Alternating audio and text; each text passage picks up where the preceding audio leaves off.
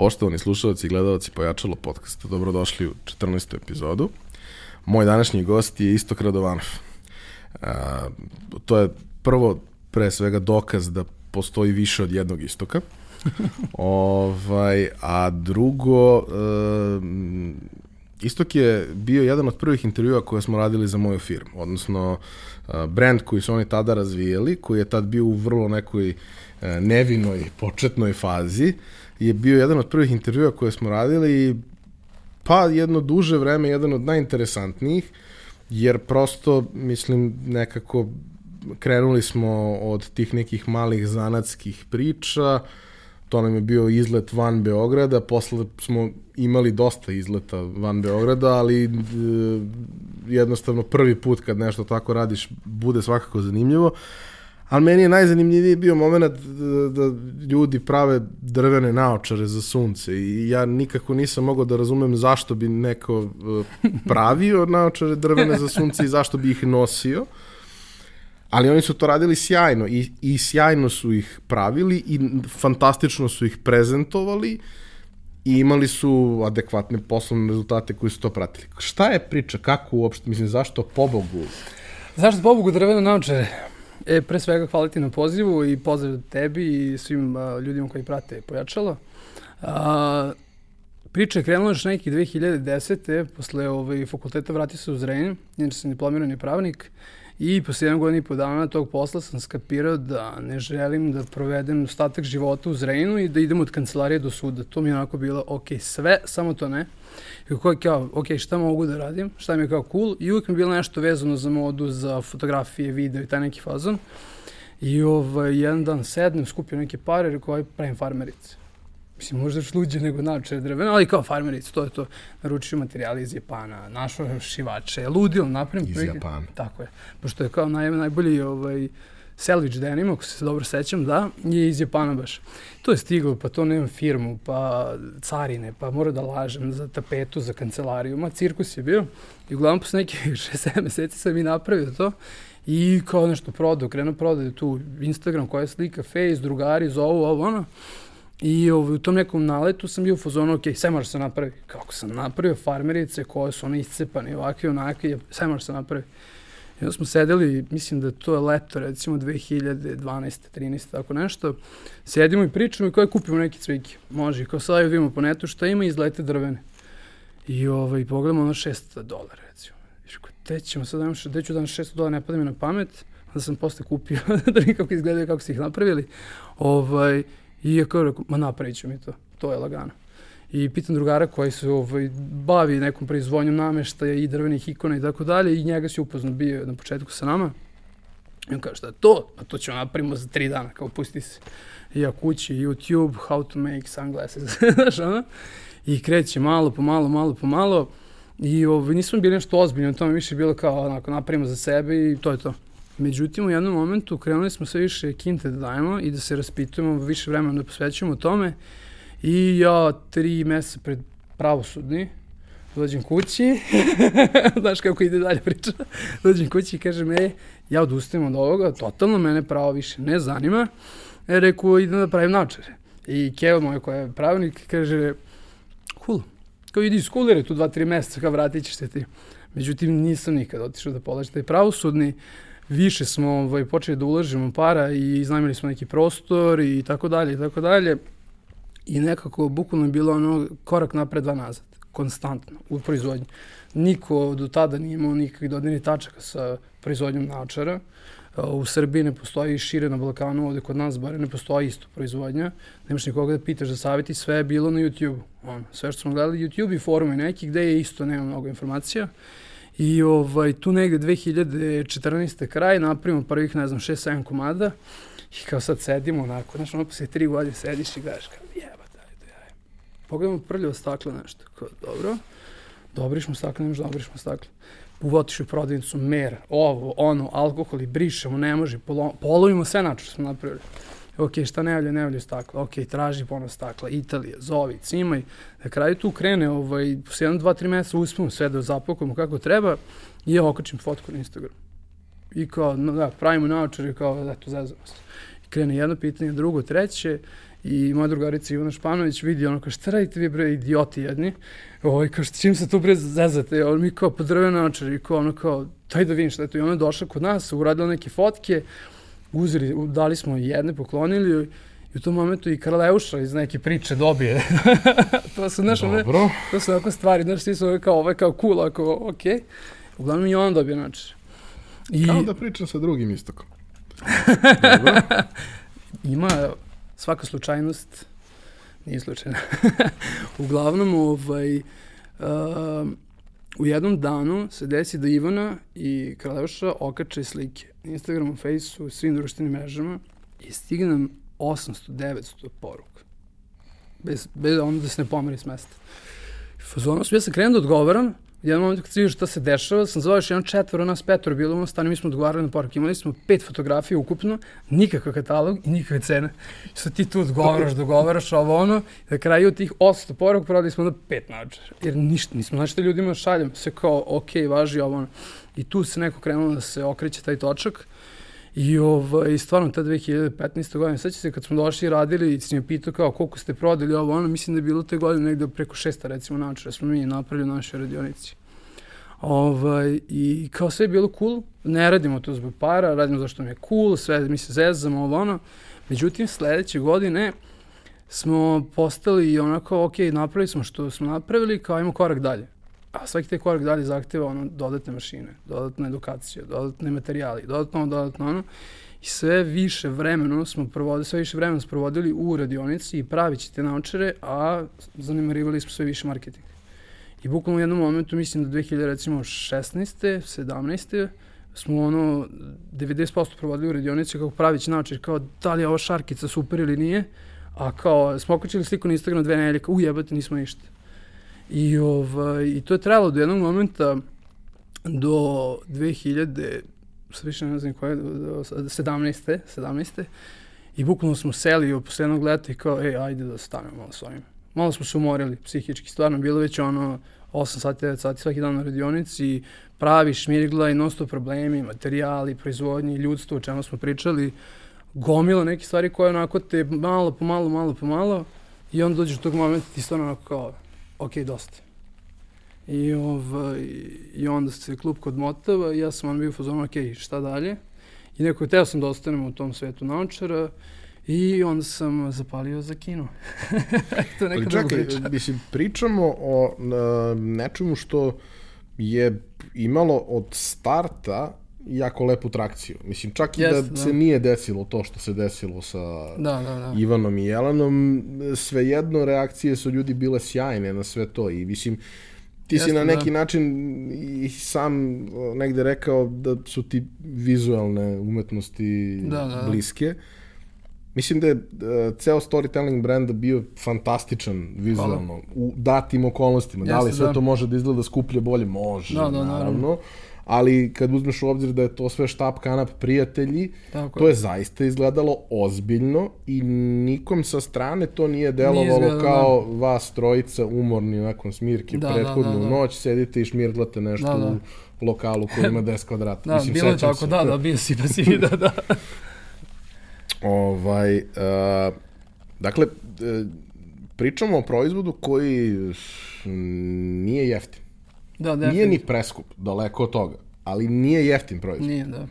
A, kako, mislim, ok, došlo je do prezasićenja, ali, znaš, kao, kako, kako ste došli uopšte u tu poziciju da uh, ne napravite sebi organizaciju posla takvu da možeš da kažeš, e, ok, ja hoću da se sad bavim ovim sa drugog aspekta, a ne da sedim u radionici i radim.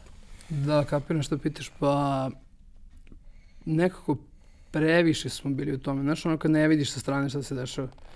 Svako, imali smo, znaš, mi gomilu puta pričamo, mi smo non stop pričali samo načinima, o firmi i tako dalje. I ti imaš ljudi koji su strane kažu, ej, ljudi, stanite sa proizvodnjom, ajde kao marketing, gurite to malo. Mi kao, ne, ne, ne, samo još ovo, samo još ono. I nekako dok ti ne udariš glavom o zid, ti, ti ne skapiraš šta se dešava, džabe nama bilo u tom momentu, kogod nam je rekao sa strane bilo šta, to nije jednostavno dopiralo do nas. Ovaj, ali postoje neke drugi stvari koje su bile možda veći problem ovaj, u tom nekom zanosu svega što ti kaže da se nešto izdešavali sad marketing i ljudi su čuli i tako dalje.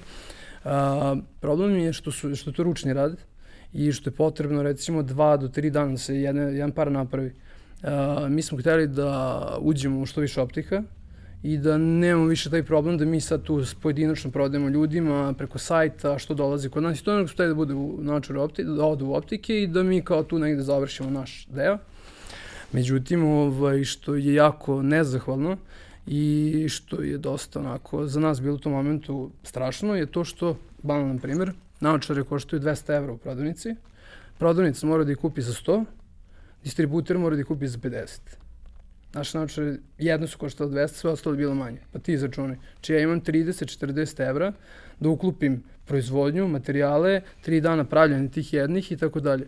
Međutim, mi smo bili onako kao, ajde, okay, ajde da probamo, da vidimo šta će se desiti i imali smo tu neku količinu veću poročnih, međutim tu smo se zakupali. Tri meseca ti radiš, proizvodiš, praviš, to ode u optike, naplata nikad stići, posle godinu dana čak nešto smo i dobili.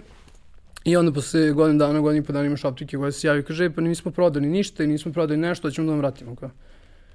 Znaš, Tako da ima tih problema, ali mislim najveći problem, ja ovaj, sam nedavno, što ne nedavno, imam sad već nešto dana, nešto mi brzo vreme prolazi, pa kao nedavno, sastavim papir, na papiru sam u stvari sastavim pismo, mislim neke 20 tačaka zašto prej nije tamo gde sam mislio da će biti. I prva stvar koja mi je bila na tom papiru jeste bila proizvodnja u Srbiji.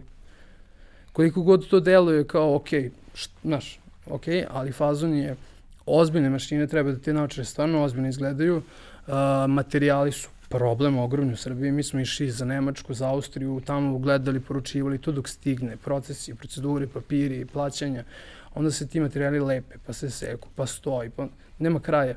I ovaj, nekako, sad smo sve više ulazili u proizvodnju, a manje u marketing, i realno, mislim, Srbije je realno dosta malo tržište.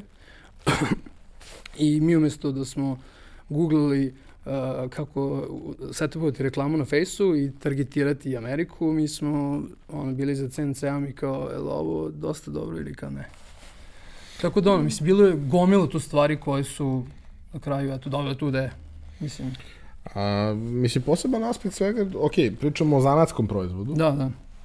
Tehnološki, možda ne sad ekstremno zahtevnom, ali svakako nepoznato. A, ne mogu da ti kažem čak da nije eksterno ni da je slobodno krez zajebano da se napravi. Dosta je, dosta je to triki. Zato što a, kod takve stvari a, pola milimetara a, pravi ogromnu razliku. Znaš, mislim, ne znam koliko će se videti ovde, recimo, ti imaš načar koja sad stoji, ovi su okej. Okay. Pola milimetra, nešto se zezne, načar stoje ovako i ne možeš da ih vratiš zato što je drvo, zato što nema, ne možeš da ih saviješ i tako dalje. Tako da iz tih stvari dosta je bilo triki da se napravi svaki par. A kako izgleda proizvodnja, odnosno kako je izgledalo?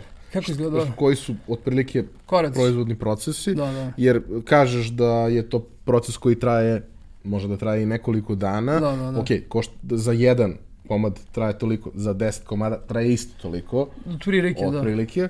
Znači, nije to baš tako da, Da, da. možeš da napraviš 10 komada mesečno jer imaš uh, 3 puta Da, da, 10. da, da, jel? da. Ovaj, ali šta su koraci kojima se ide i gde su bili izazovi kako ste ih rešavali? Mhm. Pa, naravno, eko, pričamo ajde, samog starta, znači prvo je dizajn, naravno. Ovaj, druga stvar koja je jako bitna jeste odabir materijala.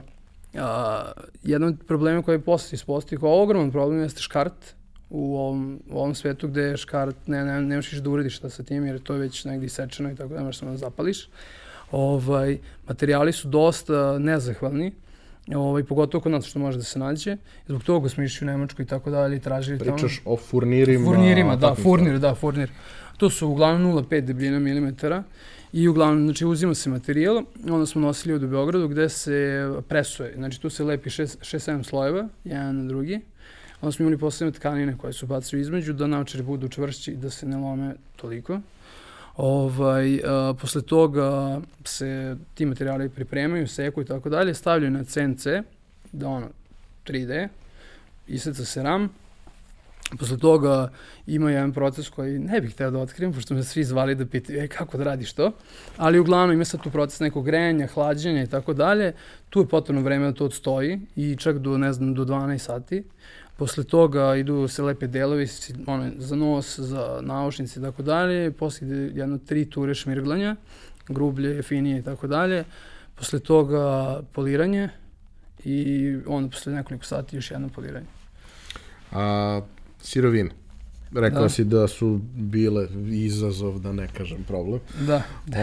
ovaj, na koji način ste to rešavali? Sećam se da tada kada smo pričali, a i pomenuo si to na samom početku, uh, jedan od problema su bila sočiva, Da, da, stakla, stakla. Da, da, da. A, kako ste prosto rešavali te sve stvari? Jer opet pričamo o nečemu što je jako mala proizvodnja u startu. Vi da, da, tek jasno, ulazite, jasno. eksperimentišete, da, teško da, je uopšte postaviti se u toj priči na neki način. Svako hoće da ti izađe u susret kad hoćeš da naučiš 10.000 komada. Tako je, tako je. Da, to sam baš upravo tada ti kažem, baš je bio problem.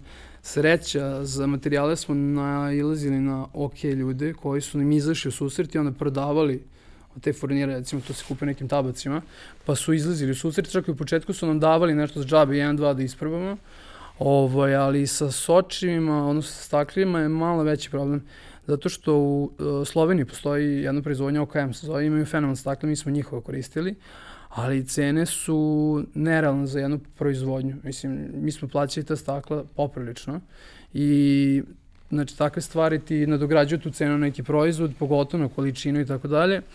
Ovaj, međutim i tamo su stvarno ljudi bili fenomenalni i izlazili u susret šta god smo tražili, ono, moglo je. Jedino što, recimo, aj ne mogu da kažem Italija, i u Italiji se skoro više ništa ne proizvodi iz tog sveta, više ta neka Kina, ovaj, ko njih može i mnogo su cene niže, kvalitet je odličan, sve, mislim svetski kvalitet imaju, ali mora količina. Što ćemo pričati u drugom delu. A, ta priča sa, sa prejom je trajala koliko? Pa, tri godine. Tri godine. Tri godine, da. A, imaš li predstavu uopšte koliko komada je izašlo iz vaše proizvodnje? A, izašlo je neki hiljadu, recimo 200-300 komada. I gde su završili? Pa, 70% u Beogradu. 70% u Beogradu, a, po Srbiji, on, jeste neki Novi Sad, druga neka destinacija i manje mesta. Bilo je uh, koje smo slali u Dubai, u New York, uh, ne mogu više da se setim, stvarno nema, nema gde nismo poslali barem po jedan, ono par. I što nekim strancima koji su poručivali preko sajta, što našim ljudima, pogotovo našim ljudima koji su dolazili iz inostranstva ovde i negde propratili ili su čuli kao, ok, dolazim u Srbiju za dva meseca, spremite nam, ne znam, to, to, to i to. Tako da ono, mislim da onako, ovaj, interesantno mi je što sam skoro video novim, ne znam da se šetu, mislim da je bio Novi Sad recimo, i šetam onako pogledam i devika neka se prolazi i vidi načar i kao, cool. o, ovo sam ja šmirgla. Ovo sam ja šmirgla. A, od starta, da kažemo, vizualna komunikacija samog brenda je bila na jednom da. jako visokom nivou. E, to je negde i diktiralo e, nekakav jedan marketinški plan koji, koji bi to pratio opet. Vi ste mali, nije to bilo neko da, da, da, da, da, ulaganje, sve, ali šta ste radili, kako ste radili, šta vam je davalo najbolje rezultate, gde je ono Kapiram, kao, da. šta vam je stvarno značilo u toj celoj priči? Pa znaš kako, influenceri svakako.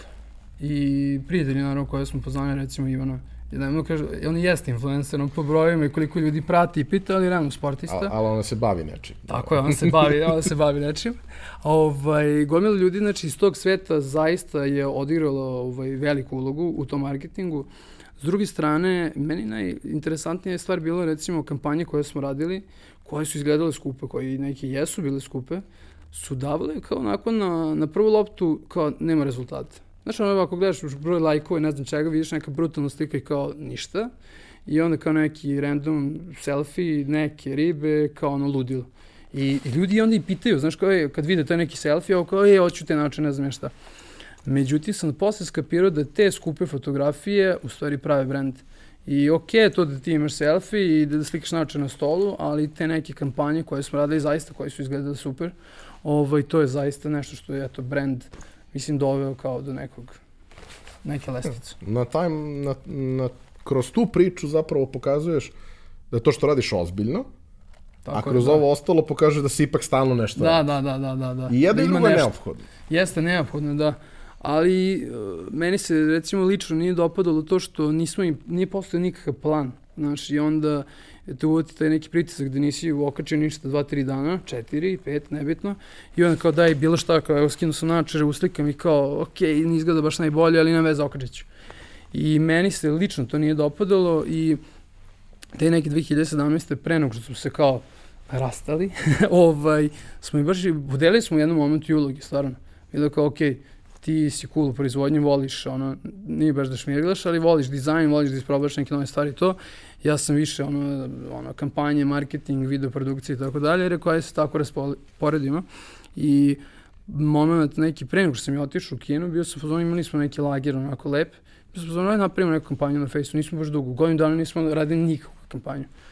I ono kao, tap, 5 dana, 30-40 načera, ovako.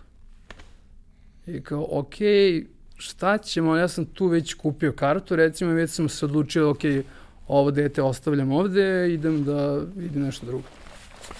A, ako gledaš nekakvu post festum analizu, a, šta vam je od kanala komunikacije najviše značilo u samoj prodaji? Odnosno, Jasno, kuda da. su ljudi najviše kupovali to? Pa, prve godine je Facebook.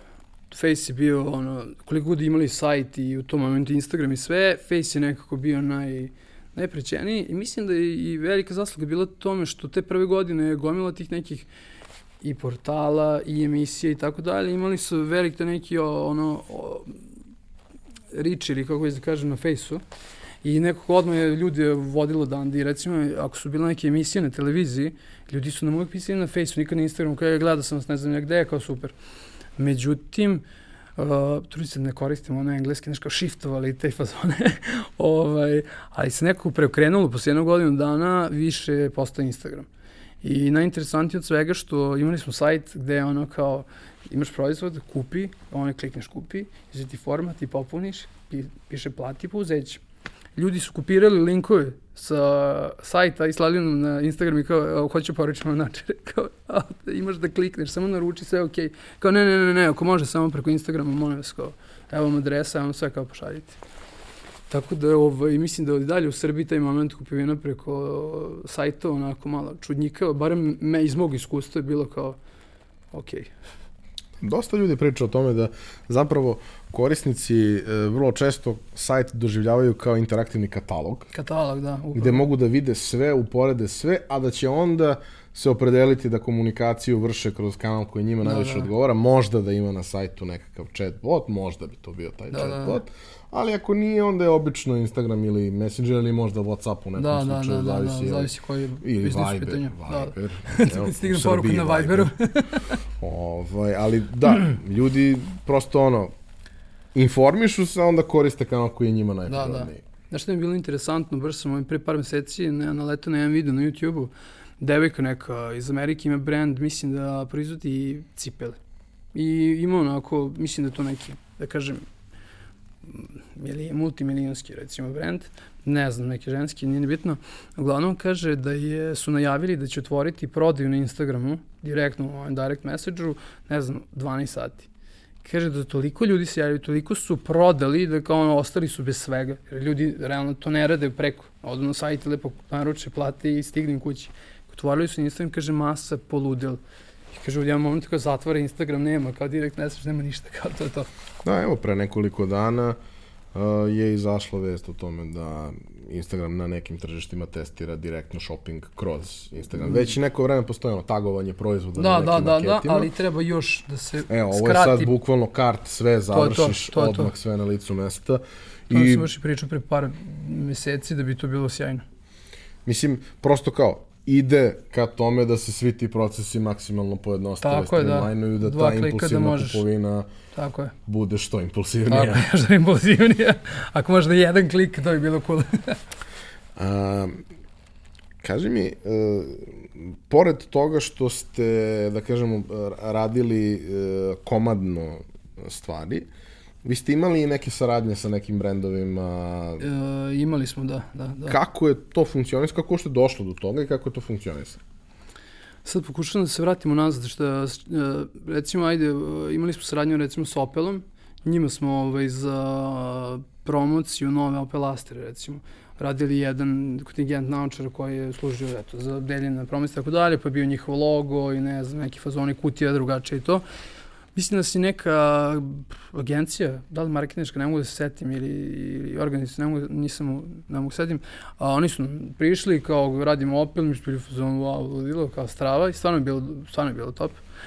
A, posle toga, a, u stvari možda i pre toga smo radili sa Nordusom, to je onako prvi put bilo da smo, da neko poruči više naučara i to, to je bilo te 2015. Mislim da nešto malo poslednje kad ste vi, kad smo radili taj intervju, e to je recimo bilo zeznuto.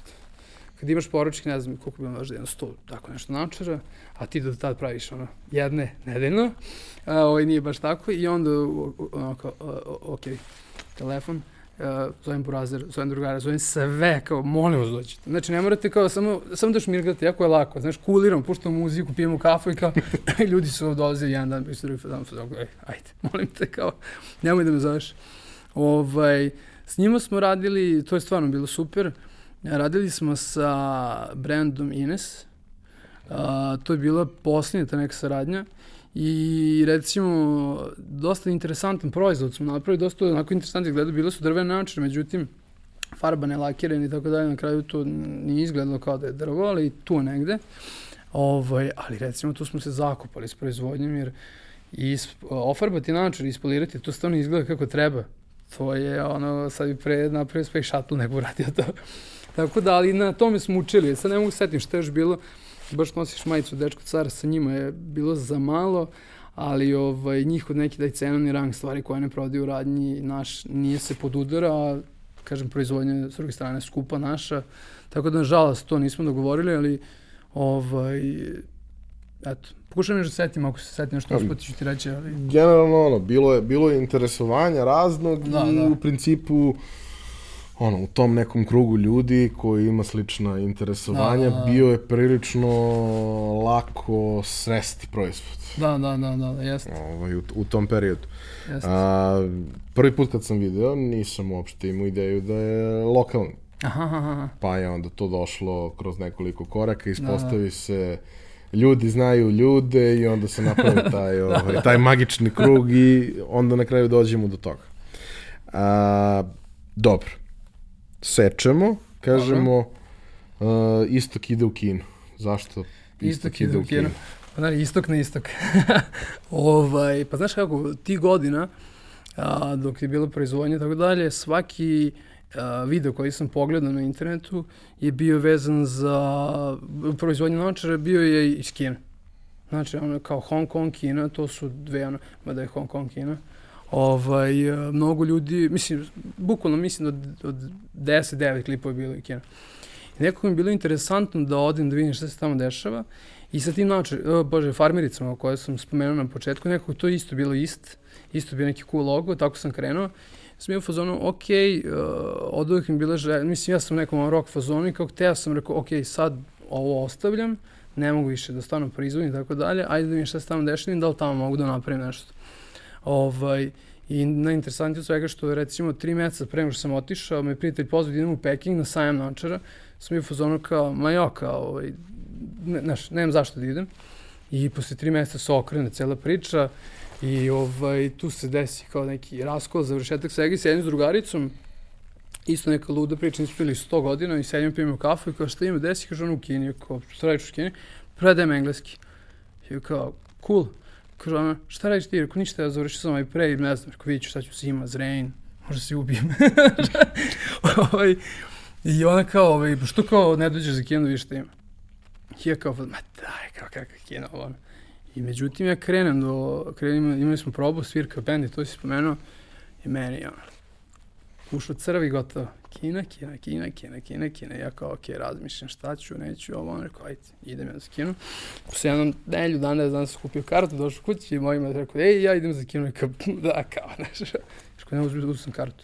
I to bude ono fazono, oj, si ti lud, šta ćeš, gde ćeš, ne znam ja, ovo. Tamo jedu ljudi. Mi smo pored onih malih što laju. ne na, na kraju smo ostali da ne jedu toliko. ovaj, I Ništa, uglavnom nisam imao neki, neki plan, sem jednog maila, recimo što sam dobio preko prevod jedne firme iz Kine koja proizvodi načare. Neko se vodio tim, oni su bili uh, ta, u, mislim u Shenzhen. Ja za Shenzhen pre toga nisam, čuo sam možda ovako neko, kao, postoji grad, ali to je to. I rekao idem ja za Peking i recimo jednu nelju dana pre nego što sam ja krenuo, uh, pojavi se drugar koja isto nisam vidio 100 godina i kao šta reći, kao idem za Kinu, kupio kartu, kažu on ću jedin s tobom. Kao šta ćeš, kažu, pa ne, kao idemo, ajde idemo zajedno. I kao ajmo mi zajedno. I krenemo i dođe i kao idemo u Peking, idemo kod te drugarice, ona je tamo, ona će nas smesti i smislit ćemo šta ćemo da radimo. Ja sam bio fazon, ma da, kao Kina, to sad, sad će, ne znam, marketing, ludilo, naću neki posao, da, ako neću da predam engleski, ne pada mi na pamet to da radim. Ovaj, I rekao, hoću da ostanemo na neku struci u kojoj sam i da se zanimam te nekim stvarima. Da, pravo sam, recimo, da, to je bila druga opcija. e, I ovaj, dolazimo u Peking, slećemo sve kao cool, ulazimo u grad, čudno, nekako nije to to. I posle dva dana, znaš kao, ok, nećemo sad ne vjerujem odmah baš ono naučer, prvo ovaj, Juri mi rekao da vidim da neko priča engleski za početak i da ono kao se snađemo. I ovaj, uh, posle dva dana imao onako neki osjećaj u stomaku koji sam imao 2011. dok sam bio u Americi. Bio sam na Key Westu vozio rikše. onaj work and travel fazon. Kako smo došli u mesto, imamo onako osjećaj, onako gadan u i kažemo mojim mojima, rekao, ajde da idemo odavde, ne trebamo, budemo ovde realno. Ima toliko mesta po ovoj Americi, da vidimo nešto drugo, neki veći grad i tako dalje. I oni kao, ne, ne, ne, ostaje, ostaje ovde. Mislim, sam ja jedni lik koji iz Amerike donao 270 dolara. Total. I, ovaj, I vratim se taj osjećaj ponovno stomaku i budem fazonu, ok, treba da idemo odavde. I u tom momentu pošaljem toj firmi iz Shenzhena ovaj, mail, rekao, imate nešto na lageru od uzoraka, bilo što sam da nikako izgleda. Stižu mi naočare posle dan, otvoram kutiju, padam u nesto, rekao, šta je ovo, ovo je brutalno. Ja ih zovem, rekao, dolazim. I mi je ono organizacija, zapakuj se, brzi voz, 300 na sat, idemo noću spavamo, sve cool, dolazimo u Shenzhen, pazi, Peking, tad bio, to je bio neki novembar, tako nešto ladno, nula stepeni, zagađeno, ne, vidiš, ne, ne vidi se nebo, otprilike, ni sunce, ništa. I ovaj, dolazimo u Shenzhen, na miris mora.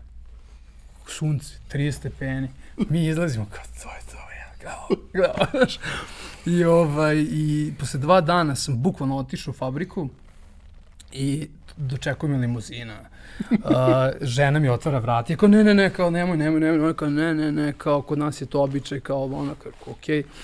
Ulazim u fabriku i sad postoje dve, dve strane, oni koji hoće da prodaju i koji su fazonu kao ajde samo da sednemo na miting, da pričamo šta hoćeš odmah, kao da sedem nam. S druge strane ja koji hoću da vidim proizvodnju. Ja kao, ok, sve rekao samo da vidim proizvodnju, kao ne, mi smo mala proizvodnja, kao nema tu šta da se vidi, ja kao ne, ne, molim se.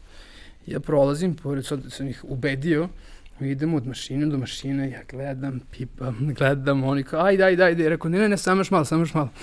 Odlazimo gore, ulazim, Meka i Medina, samo materijali, znači milijardu materijala. Sedim, rekao, ja ne mogu šta se dešava. Iako ja mogu ja da vidim, kažem, slobodno, i otvorio sve kutije, gledam šta rade. Nenormalno se bio, kaže, ovaj, na kraju mi ta devika s kojom sam jutro se čuo, ovaj, mi rekla, kaže, bili su nam razni ovde, kaže, većeg fanatika od tebe nismo videli, definitivno. A sad ću reći zbog čega. Uglavnom, mi se tu dogovorimo, sve ok, dobit ćete crteže, su, ma, ja prezadovoljno, neko dobijete crteže za desetak dana, dizajniramo malo i tako dalje. I ovaj, a, da, dobiju oni sve, ja se tu pojem još jedan put, dva put i sve to ide neko kako treba. Međutim, ono što ja nisam znao da za kinesku novu godinu, koja kreće recimo negde januara, oni ne rade dva meseca. Dva meseca proizvodnje ne radi, sve se zatvora ključi i kao zovi u martu. I oni meni kažu kao sve ok, ali uh, nekog 16. 17. marta će biti uzorci.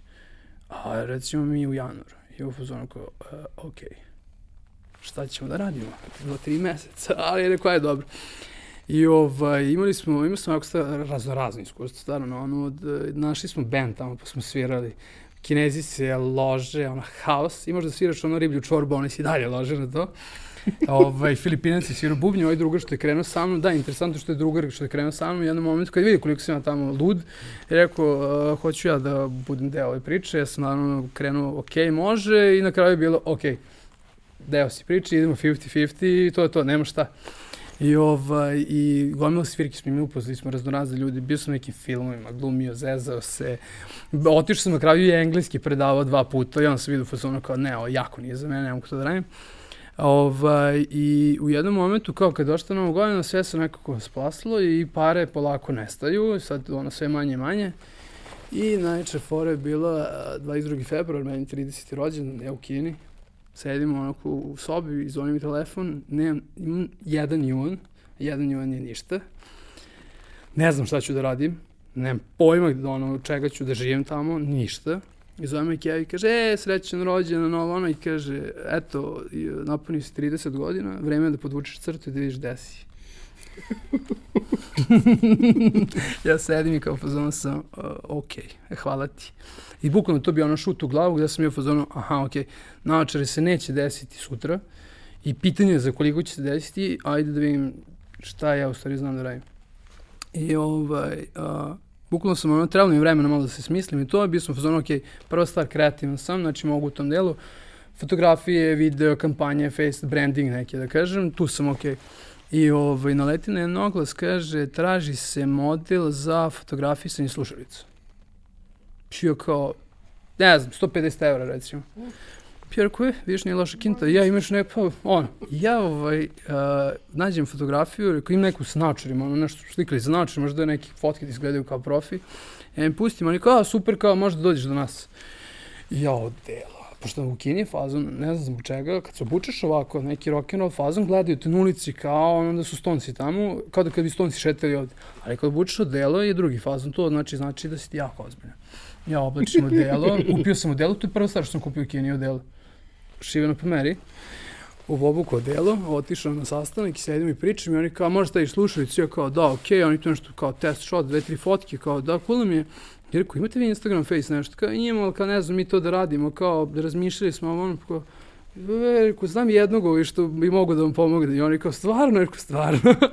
I krenem ja tu njima da pokazujem, rekao, šta sam radio, ali ono, njima se to dopadne. I na kraju te fotke nismo ni uradili nikad, nego sam ja postao njihov uh, neki konsultant, da kažem, marketing konsultant u firmi koja recimo ima 120 ljudi, ima 10 ljudi u marketingu. Možda da misliš kinezi radi marketing, ali hoće da budu kreativni ne možeš da veruješ šta je to. kao, hoćemo ovako, kao, može malo sam drugačije, hoćemo ovako. I uvijek je neki brend koji je malo bolji od njih. Ovaj, I krenuli smo saradnju i kao u fazonu se tu dogovorio na onako mesečnu neku cifru koja je onako interesantna bila. I krenem ja tu njima nešto da kačim, radimo neke fotke i to. I istrči oglas koji meni bio ono wow. Uh, marketička agencija, uh, Francuz i Amerikanac su vlasnici Fastlane se zove, a, sa sedištom u Hong Kongu i imaju kancelariju u Shenzhenu. I ovaj, oni okače traže, gomilu neke stvari su traži, kao tek otvorili firmu, uvatili jednog velikog klijenta, ZT Nubija, ne znam da se čuo telefone što radi to, i ovaj, trebalo im mnogo nešto ljudi tu, I ovaj, ja kao, okej, okay, ali nikad nisam bio u tom, nikad nisam bio u agenciji, ništa, ne znam, bio sam jednom u Mekenu i to su nam prezentovali neku ideju i to je bilo to. I kao upoznao sam kreativan direktor, direktor i te kreativan tim. I oni napišu uh, oglas gde dobiješ zadatak, imaš kao neke zvučnike, nešto kao da uradiš, da osmisliš kampanju, da osmisliš branding, da reklame, video, fotke, koji fazon, kad će se kači, media buying, planning, sve živo. I ovaj, ja ono kao krenem da radim i ono sinim ideju, ono za sekund imam ideju, ok, znam šta hoću da im uradim, krenem ja da pišem, ja završim to, pa je rekao, jebate, šta ko su bre oni raspisali ovo bre, ono deset oglasa, onda bi skupili ideje od ljudi i posle, znaš, ko zna kakvih ono ima ljudi, u tom momentu sam bio jako paranoičan, Je rekao, ne... Srbin u Kini. Tako je, Srbin u Kini. I ovaj, je rekao, neću bre da im pošaljem uopšte. A, to je to. Međutim, rekao, jebate, nije loša ideja, zašto im ne bi poslala? I ovaj, rekao, ajde, šalj mi ja mail, izvolite. Stiže odgovor posle nelju dana kao kreativni deo, ideja, video, fotke, sve brutalno, ali kao, marke, kao planning i ne znam šta je još bilo, je kao malo slabije, kao nisi potrefio neki budžete i ne, ne znam šta sve, ovo ono. I ja u fazonu rekao, ok, ja sam i više iz ovog sveta i više sam za to i to je to. I oni kao, ok, ako bude nešto kao ovaj, u budućnosti, cimat ćemo ti. A tu se u stvari desilo neki, možda početak februara recimo. I ovaj, posle dva meseca kako ja krećem već s tom firmom, Avan 3 se zove, što radi slušalice, oni imaju odlično, odlične, odlične slušalice. Ovaj, uh, nije kao prodaja, a ovaj, I, i stiže mail od ove agencije i kao, ej, imamo jedan projekat, ćeš da dođeš da porazgovaraš sa, s nama, i ja kao, okej, dolazim na sastanak. I dva tipa Amer i taj Francus sedi i kaže, uh, hoćemo da radimo video reklamu za telefon novi koji izlazi, ne možemo ništa i otkrijem, tako dalje, da li si za? I ja kao, okej, i oni, važi, može, kao izvoli telefon, gaming telefon, ZT Nubija izbacuje, Red Magic se zove. I kao, treba, hoćemo da uradimo kao unboxing, i ja kao, kao, šta će vam, ono, šta ću vam ja za unboxing, ono, znaš. I oni kao, ali kao hoćemo kao beo 100, tu neko otvaranje, otvaranje, ovo ono, i fazon kao, brate, rekao, nemoj to, molim te, rekao, mogu ja rekao da smislim nešto, rekao da bude malo atraktivniji i zanimljiviji nekom gaming fazonu, nego da sad da ga otvorimo tu na belom stolu. I oni kao u fazonu kao, da, može. I ja bukvalno dok sam izlazio iz lifta sam znao šta ću da uradim i u metrovu iskucao sve, pošto imam sat vremena se vozio. I rekao, tamo da počnem, ček, ček, rekao, ne mogu pre odmah da šajem, mora pustim dan, dva da prođe, rekao, znaš, da ne bi se kao budala, prvo stvar što mu palo na pamet pošaljem to i oni kao, okej. Okay. Ja fazonu, dobro, reku, kini to da se izvede, puno košta. Ne znam toliko ljudi, znao sam ono ko snima, znao sam, vidio sam i kameri, to međutim ovde u, u Srbiji imamo ekipu što smo radili sa njima za pre i to. Rekao, ode ja kući, ja to uradim. I ovaj, zapalim ovde, uradimo, uradimo tu reklamu za telefon koja je stvarno njima bilo super. I, ovaj, i nastavim da radim sa ovim kinezijama, međutim, posle ono, dva, tri meseca sam počeo da se budim ono, sa nekim bolom u stomaku zbog tih kineza koji su sve više zatezali i sve više nisu znali šta hoće. I ovaj, u jednom momentu sam bio fazon, ok, ne mogu više da se rađam sa vama, jer sam im podigao cenu i sve da bi ispoštovali neki kvalitet, ali kao, ne, nije to bilo to. Rasklikam to. I rekao, ok, sad ću, rekao, vraćam se za kinu, idemo na idemo sve ponovo. Međutim, nešto sam bio fazonu, jebate, ne znam da mi se vraća. Među Kineze, među Rižu, među to, rekao, nisam siguran. I rekao, ajde, okay, ostaću ovde. I ovaj, bio sam u, iz bio sam u Renjena nešto, neki mesec, dva, rekao, idem za Novi Sad. I, ovaj, I u jednom momentu rekao, ajde kupim fotoaparat, čisto za sebe malo se zezam i tu krenuš da snimam. A, a, I zove me drugar i kaže, ajde da snimamo reklamu neku. I rekao, ajde, okej, okay, može. De, šta snimamo? kao vojna industrija. Rekao, ok, šta snimamo? Kao na mašinu neka za demini, deminiranje. Rekao, ajde, ovde mi to uredim. Pa ja ono, držao sam aparat samo kad sam pridržavao fotograf. Ali kao sam tu nešto krenuo da učim i uredim video stvarno koji je onako simpatično izgledao. Ovaj, I posle, i su svo vreme ja čekam naočare.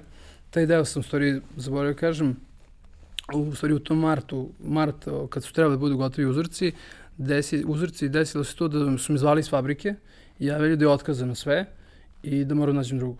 Kao, bez objašnjenja, samo pare vraćam. I ovaj, tu stvari bio taj moment kad sam ja stvari kretao nazad u Srbiju i imao sam recimo nedelju, dan, dve nedelje da se izorganizujem. U tom momentu mi dolaziš jedan drugar ovaj, iz Rejna koji, eto, nas sa trojica radimo, ono, načere, ovaj, smo partneri i u fazonu, ok, brzo traži fabriku, nađi nešto drugo, sreći ta devika koja me ugostila i smo ostali u kontaktu i ona da otkaz i kaže, ok, pomoći ću vam ja, kada vidio sam koliko si lud, pomoći ću vam, rekao, važi, hvala. Nađemo proizvodnju sve bude cool, rekao, to je to, uplatili 30%, kreće se proizvodnja.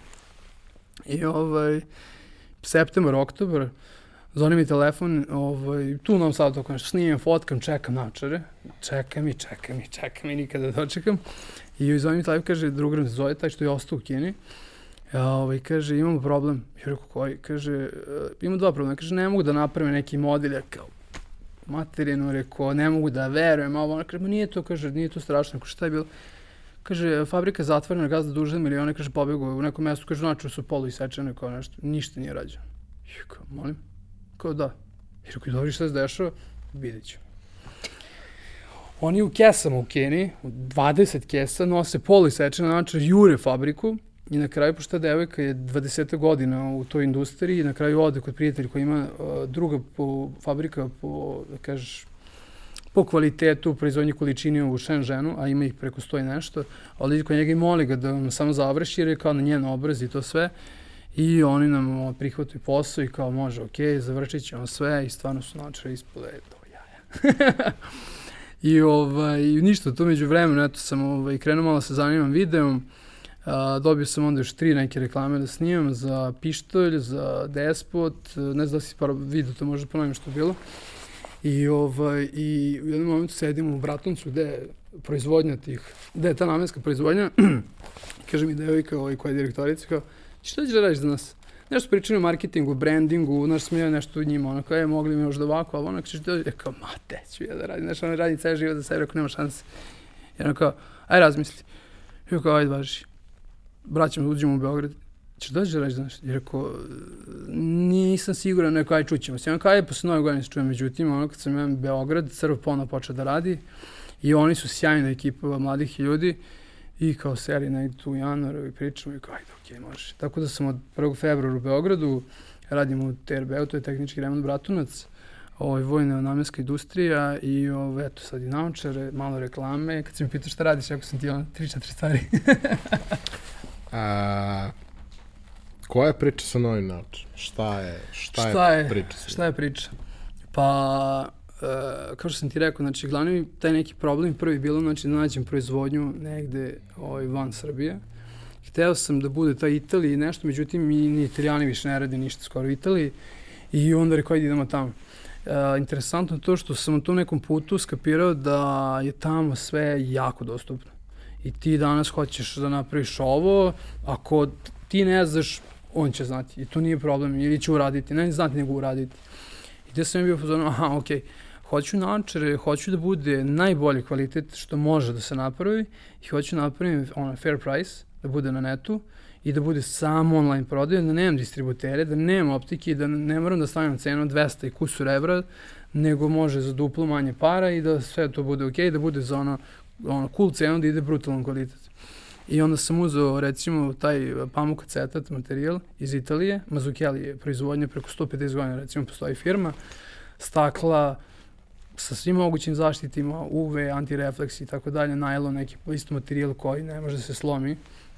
Uh, šarkice isto, najbrutalnije, što kao što se vidio kutije, sve je nekako uređeno u nekom fazonu, tako da se potrudio da zaista kvalitet bude bez premca i da ono kad uzmeš naočar da budeš ono kao da ovo stvarno izgleda, izgleda strava. A uh, ovde smo pričali o nekim drvenim naočarima za hipstere. ne mora da bude za hipstere, ali za neke čudne ljude koji bi nosili drvene naočare. Ja, to je bila faza, kao si kao hipsteri kupuju, ali ispostaje sve što nije bilo naš tako. Možda je bilo naš ljudi koji su hipsteri, ali tu negde 35, 6, 7, 40 godina ljudi su kupili koji radi, koji su neki bankari, oni su kupovali. Hipsteri nemaju love. A kako me je ovo A, znaš kako, a, nekako na tom putu upoznao sam, poslednjih godina i po dana upoznao sam mnogo kreativnih ljudi. I nekako me to onako što me nekako vezuje i ja sam takav po prirodi i volim da sam okružen kreativnim ljudima i bio je fazon, ok, ajde da napravimo brand koji, ok, mi prodajemo naočare, ali znaš da ne bude to ono kao u fokusu, nego ajde da napravimo brand koji će da podržava mlade ljude, mlade kreativne ljude i za sve ono što imamo, vidiš karticu, ono, ludake, misvite i tako dalje, da nekako pripomognemo njim koliko god možemo, šta god bude u našoj moći, naočare su tu samo kao sredstvo da to uredimo, da ostavimo taj cilj.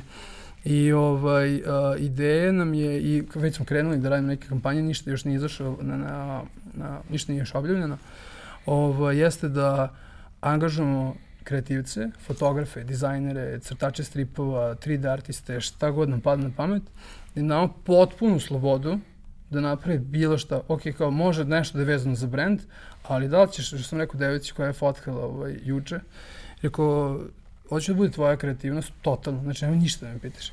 Jer ako hoćeš da da budu ovako male na slici, nije nikakav problem. Kao stvarno, kao, naravno. I iskapirao sam nešto da ono ljudi kao zovu neke određene ljudi, ono kao, recimo, koji imaju svoj fazon kao hoće nešto svoje, a naš, ne, ne puste te ljudi da budu zaista kreativni, ono, 100%. I nekako nam to bila ideja, uradili smo jedan strip koji je onako vrlo interesantno izgleda, uh, uradili smo sad to jedno fotkanje, ideja mi je čak i bila naš ovaj vid nekog, neke ovog podcasta ili neke emisije jednog dana da razimo i tu priču, za sad će biti blog, bit će uvijek neki video o tom uh, ko radi, ko je angažovan i ko je kao deo priče naše ekipe. Ovaj, Tako da, kao, bazirali smo se na to, malo da okrenemo, znači, kao, nije proizvod, proizvod tu kao stvarno kao sredstvo i nešto mi cene, volimo to i kao, to će cool izgledati, sve to strava, ali nam je kao, ono, vizija, misija firme da stvarno, ono, se družimo sa kreativnim ljudima i zezamo i radimo nešto zajedno što strava. Danas je ovde jedan model koji, koji ste napravili. Pa ajde, predstavi nam otprilike, mislim, e, vrlo je e, neobičan, ali predstavi nam kao i pakovanje i branding i celu ideju i na kraju je li finalni proizvod kako je ispao. Ovo prvi kao neki ove prezentacije proizvoda. da otvorimo. Pa da, pokaži. A, će se vidjeti ovde, a? Malo je mračno, ali ovaj, moja omiljena boja je crna definitivno i božan crno. Ovo zlatno isto bilo onako neki detalj, nisam neki fan zlata i ne nosim ništa zlatno, ali nekako tu mi uvijek zapada za oko. Ali Kina, ali... Da, da, da. da. E, ne, nešto jedno strano, jeste proizvodnja tamo, ali a, sa firmom koju smo radili, dizajn je sve u Hong Kongu, tako da naočare nose dizajn in Hong Kong, made in Shenzhen. Ovaj, um, firma koja nam je radila ovo je jedna od naj, najvećih firmi iz Shenzhena koja je radila recimo za Mercedes razno razno pakovanja za sve ono luks stvari. Sad ovaj, ne znam da će se vidjeti ovde, ja ovde motam ispod stola. Čekaj. Sve smo napravili onako tight, znaš, da bude ono da ne ispada. Kao Apple. Kao Apple, znaš, sad ispadne ono telefon kao... Ovo je jedna kartica, jedna posveta da ne čitam, pošto je ovo, ovo je kao stvari šta se krije za brenda, vizija, misija i tako dalje, za koga je. Ovaj, a naočare, kutija isto sve prati. Tan, tan, tan, tan. Dobro. Kako si ih, kako si rekao? Čudne, neobične. Čudne, čudne, da. Neobične. Čudne. Ovaj, da, ovo je jedan model stvarno koji je čudni, ovaj, moj omiljeni, možda zbog toga. Zato sam ga i donao, u svakom slučaju. Mogu se ne znaš, nekako imamo, izabrali smo osam a, modela, osam kao različitih dizajnova i bilo je u fazonu, ok, prva tura radimo samo crno i radimo a, šest a, modela će bude stvarno onako mm, što se najviše nosi, da kažeš, znaš, da, da uzmeš dosta naočara, možeš četvora da ih staviš na glavu i kažeš, ok, četvora mi stoje. Jer sam to skapirao sa prvim godinama, da ti čudni dizajnovi i ne znam šta, tu su možda da privuku pažnju, ali ljudi se neće tek tako ovaj, lako ovaj, odvojiti da kupe tako nešto. Tako da je to je ono, to, je, to su cvike, bit će sve online, mazukeli, znači acetat, stakla, ovde se, nema, ovde se neće vidjeti uh, antirefleksi, metalni delovi, evo ti možeš da vidiš ovde. Interesantno to što se svaki model zove po jednoj metro stanici u Hong Kongu, jer je Hong Kong mesto da bi sutra otišao. Bukvalno, ono, najluđi grad gde sam bio i tu je ono, dizajn Hong Kong, ceo faza. Ovaj, nekako, stvarno proputovao sam, nema gde nisam bio, ali Hong Kong je ono, znaš, ono, staneš i kao fazonu si, stvarno sudara, ono, istoka i zapada. Mislim da su pokupili ono sve cool sa zapada i sve cool sa istoka i zapakovali ono jedan grad. E, Ima je taj moment, ja sam se nedavno vratio iz Japana. Ti si bio u Japanu, da. Da, i ovaj, na mene Japan nije ostavio previše pozitivan utisak. Aha, aha. Ok mi je bilo, interesantno mi je bilo sve to u redu, ali prosto ono, očekivao sam mnogo više, Mhm. nisam dobio dovoljno, a ono, stvar broj jedan koja me beskrajno iritira je što niko ne govori engleski i što prosto ono, da. Uh, baš ne ono kao malo ljudi govori, ne, niko ne Niko. govori i vrlo je teško snaći se kao stranac. E sad, ja nisam bio Ista u priča. Tokiju. Ja sam bio u Osaki, bio sam u Kobeu bio sam u Kyotu. Uh, pretpostavljam da je u, u Tokiju Tokio malo, malo drugačije, drugačije, da. ali baš uh, pre neki dan sedim sa kolegom ovaj, i pričam i on mi kaže uh, kao treba ići u nekom trenutku u Tokio, ako Bože zdravlja sledeće godine za olimpijske igre, to bi bilo idealno. A kao treba u nekom trenutku u životu otići u Tokio, a kao ako te loži uopšte taj deo sveta, mene nije nešto preterano Da, do da, sada, da. kao, ajde, why not, ono, Koreja mi je interesantna, Da, to da, mi je da, kao da. cool. Uh, kao ako te loži taj deo sveta, uh, idi prvo u Tokio, pa onda idi u Hong Kong. Što? Um, ako odeš prvo u Hong Kong, smorit ćeš se gde god da odeš nakon toga. Bukvalno, da. Jako čudno. Znaš, ono kad e, e, fazim stvarno što, recimo, e, Shenzhen i Hong Kong e, granica je jedna zgrada. I to je to. Znači, oni su bukvalno dva faktički spojena grada. U stvari, država i grad ili šta god. I fazon je kad ti iz Kine, gde stvarno niko ne priča engleski, gde ti ne možeš da se porazumeš ništa, čak i kad ti hoćeš da izgovoriš nešto na kineskom, te ne razumeju apsolutno ništa. I onda odeš u Hong Kong koji je kao tu, kao prođeš zgradu i tu si, te ljudi pričaju ono engleski sa britanskim akcentom u prodavnici. I ja fazon kao, ali zato u Hong Kongu recimo 20 kvadrata košta 2500 dolara mesečno da iznajmiš gajbu. I moraš da budeš A1 igrač da bi radio tamo bilo šta. Znaš, ono, ceo svet se sjatio tamo i nije veliko mesto što je najveća faza. Nije, recimo, to je meni bilo vrlo interesantno što se Japana tiče da kao ideš sa pretpostavkom jer si je čuo na hiljadu mesta da to je Mhm. izuzetno skup. Nije. Nije? Uopšte nije skupo. Mislim, ok, ovo gde sam ja bio, Aha. Osaka, Kobe i Kyoto, nisu skupi. Znači, ne znam, gajba u Osaki u centru gde smo bili nekoliko dana je bila tipa 30 eura dnevno, mislim, Stvarno? besmisleno. Doduše to, e, mi Srbi bismo teško to nazvali stanom, ali ok, kao za njihove pojmove je to nešto što je normalno nekakva garsunjerica i mislim savršeno nam je završilo posao za to Da, što da, je da, trebalo, da, da. mislim, ne, apsolutno ali kao postoji taj neki čudan vibe koji sve to prati, Osaka je i ogroman grad, Osaka Da, je da, grad da. od 15 miliona ljudi u široj, široj regiji. Ovo ostalo mi nekako malo prijatnije, ali taj moment da ne možeš da se sporazumeš mi je jako, jako, zelo. jako strašno. Pogotovo ako nemaš nekog, ovaj, od, ono, kažeš, domaćina tamo. Da, lokalca Ja lokalca, sa sobom. Ja sam imao sva sreća i to je, pošto smo uzeli stan preko Airbnb-a u Shenzhenu, prvi tip koji je nas dočekao, u stvari zvao me i čujemo ono priča engleski, priča jako dobro i u fazonu sam kao Richard se zove. I u fazonu neki stranac, otom nešto ne zna kakav je Shenzhen, ne zna šta da očekujem. Pojavljaju se kinez u veliki, kao priča ono engleski, razbio kao dobro. I onda smo se stvarno zgotivili i družili smo se on četiri mjeseca i s njim sam se jutro čuo. Ove, ostali smo u kontaktu, sve super. Sreće što sam imao njega, da njega nije bilo, baš bi bilo zeznuto. Jer u Kini ono, baš jezik je baš problem. Baš problem. A, mm, A zato je saradnji- odličan za Srbe, koji su English čiteri, nisu ni tičeri, nego čiteri se to zove. Znaš da je fazon sada, izvini, na, u Hong Kong, kad prelaziš granicu, na nekom automatu gde ostavljaš otisak prsta, imaš na srpsku.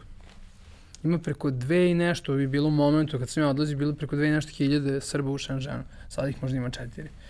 Ne, ja znam da dosta ljudi je, prvo ono, dosta ljudi odavde radilo remote, Remote, uh, da, da, časove, da, da. a drugo dosta ljudi je otišlo, Otišlo, tamo da. da, da predaje, Predaje. neko vreme, jer imaš kao sve obezbeđeno, imaš nekakav novac koji ti faktički ostaje, pa možeš da, Da, da da, napraviš da, da, neku jeste. ušteđevinu, šta god.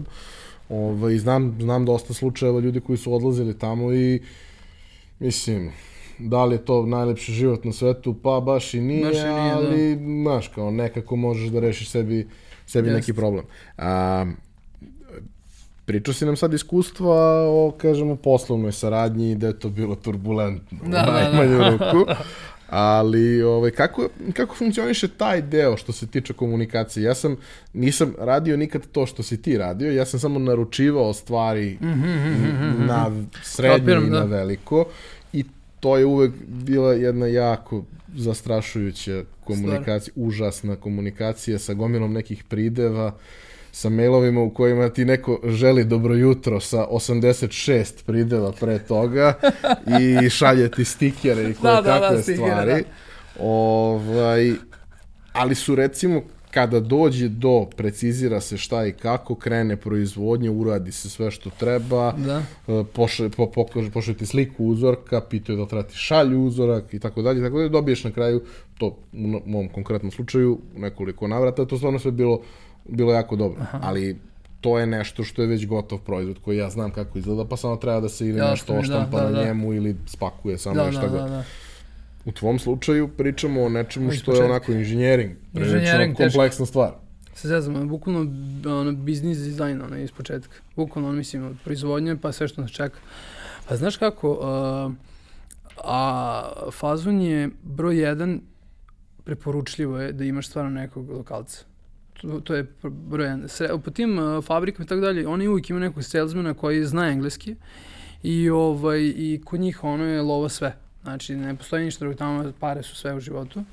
Ovaj, I e, za pare nije ništa problem. Jedni je problem što oni nemaju osjećaj da li nešto dovoljno dobro ili nemaju. Da li ga stvarno nemaju ili se prave ludi, nisam još provalio, ali ovaj, moraš zaista da stojiš pored njih i da ih ono kao gledaš non stop šta se dešava. Misliš, ono, quality control, bukvalno. Tako bukvalno, kvali- pa, bu, uh, velike firme, to znam provjerno su, pogotovo iz ovog sveta, a, imaju svoje ljude, recimo Luxottica koja pravi Ray-Ban i tako dalje se pravi u Shenzhenu. Ovaj, oni imaju svoje ljude koji su u fabrici koji kontrolišu kvalitet.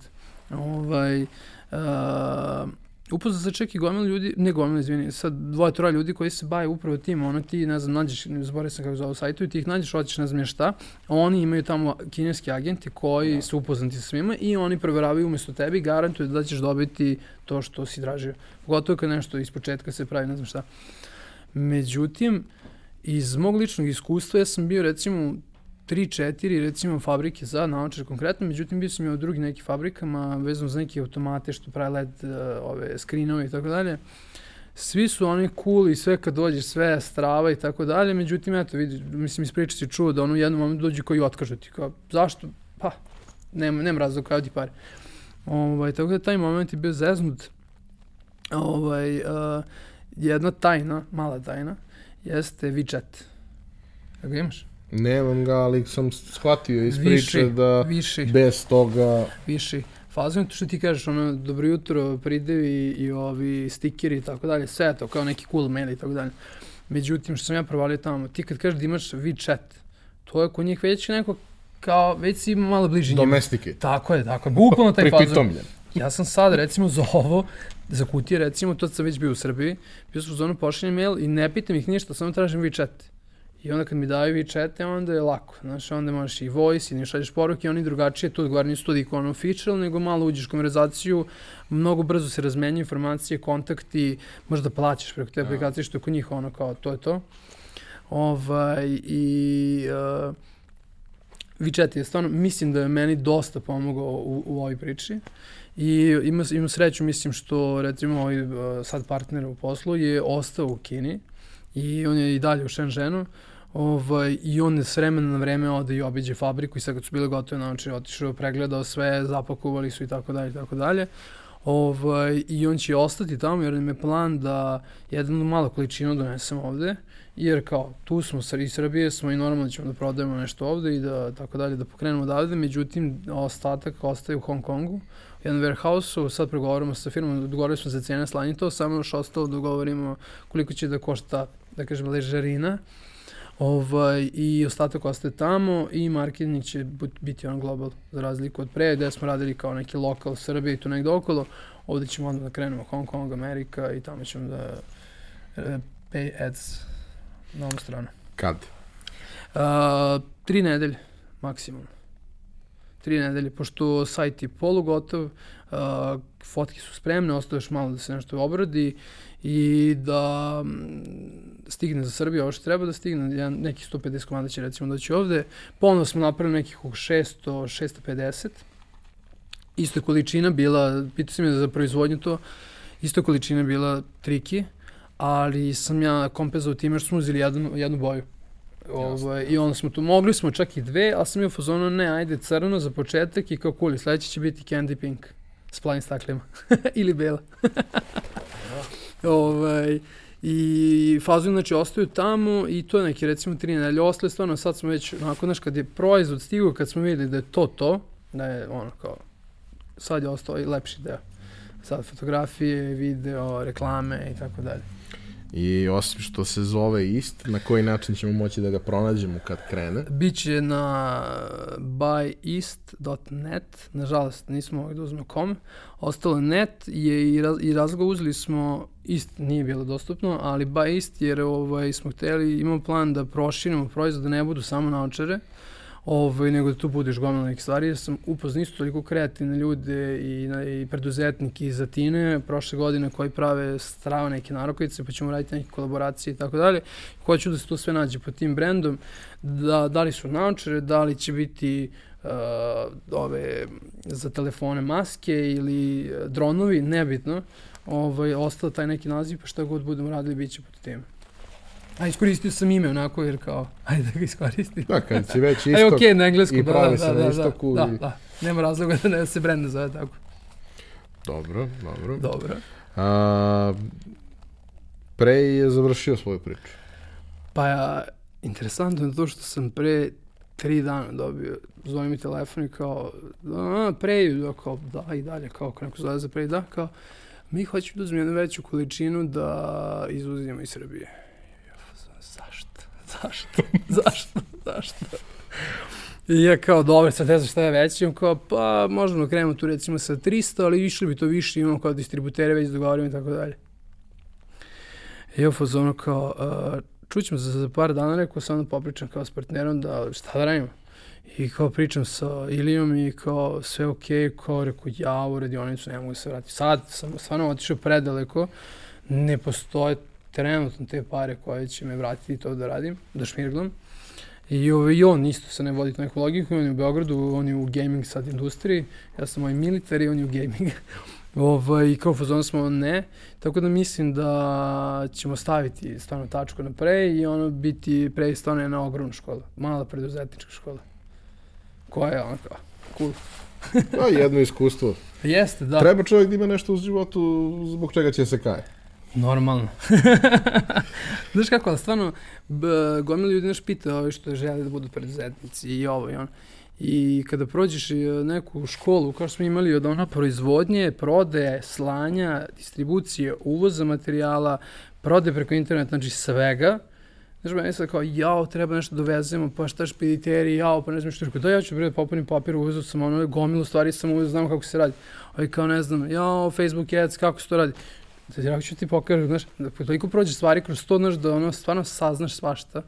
Samo što, ovaj, u tom momentu sam ja, mogu da kažem, bio loš menadžer, jer ovaj, nisam uspio da nađem ljudi i da iskoordinišem to sve da bude kako treba, ali nadam se da će biti ovog puta popravni bolji. Hvala ti što si podelio sa nama priču. Mislim da je ovaj mislim da je veoma interesantna, turbulentna da. i neobična kao i tvoje ime. A, dragi slušalci i gledalci, hvala vam na pažnji. Kao i do sada, molim vas da sve svoje uh, ideje i komentare ostavite na društvenim mrežama i ako ovaj, vam tako više odgovara, nam pišete putem sajta. A tebi isto još jednom hvala što si gostovo i nadam se da će ta priča sa ovaj, novim brendom ići onako kako si zamislio. Ja se nadam. Hvala ti još jednom.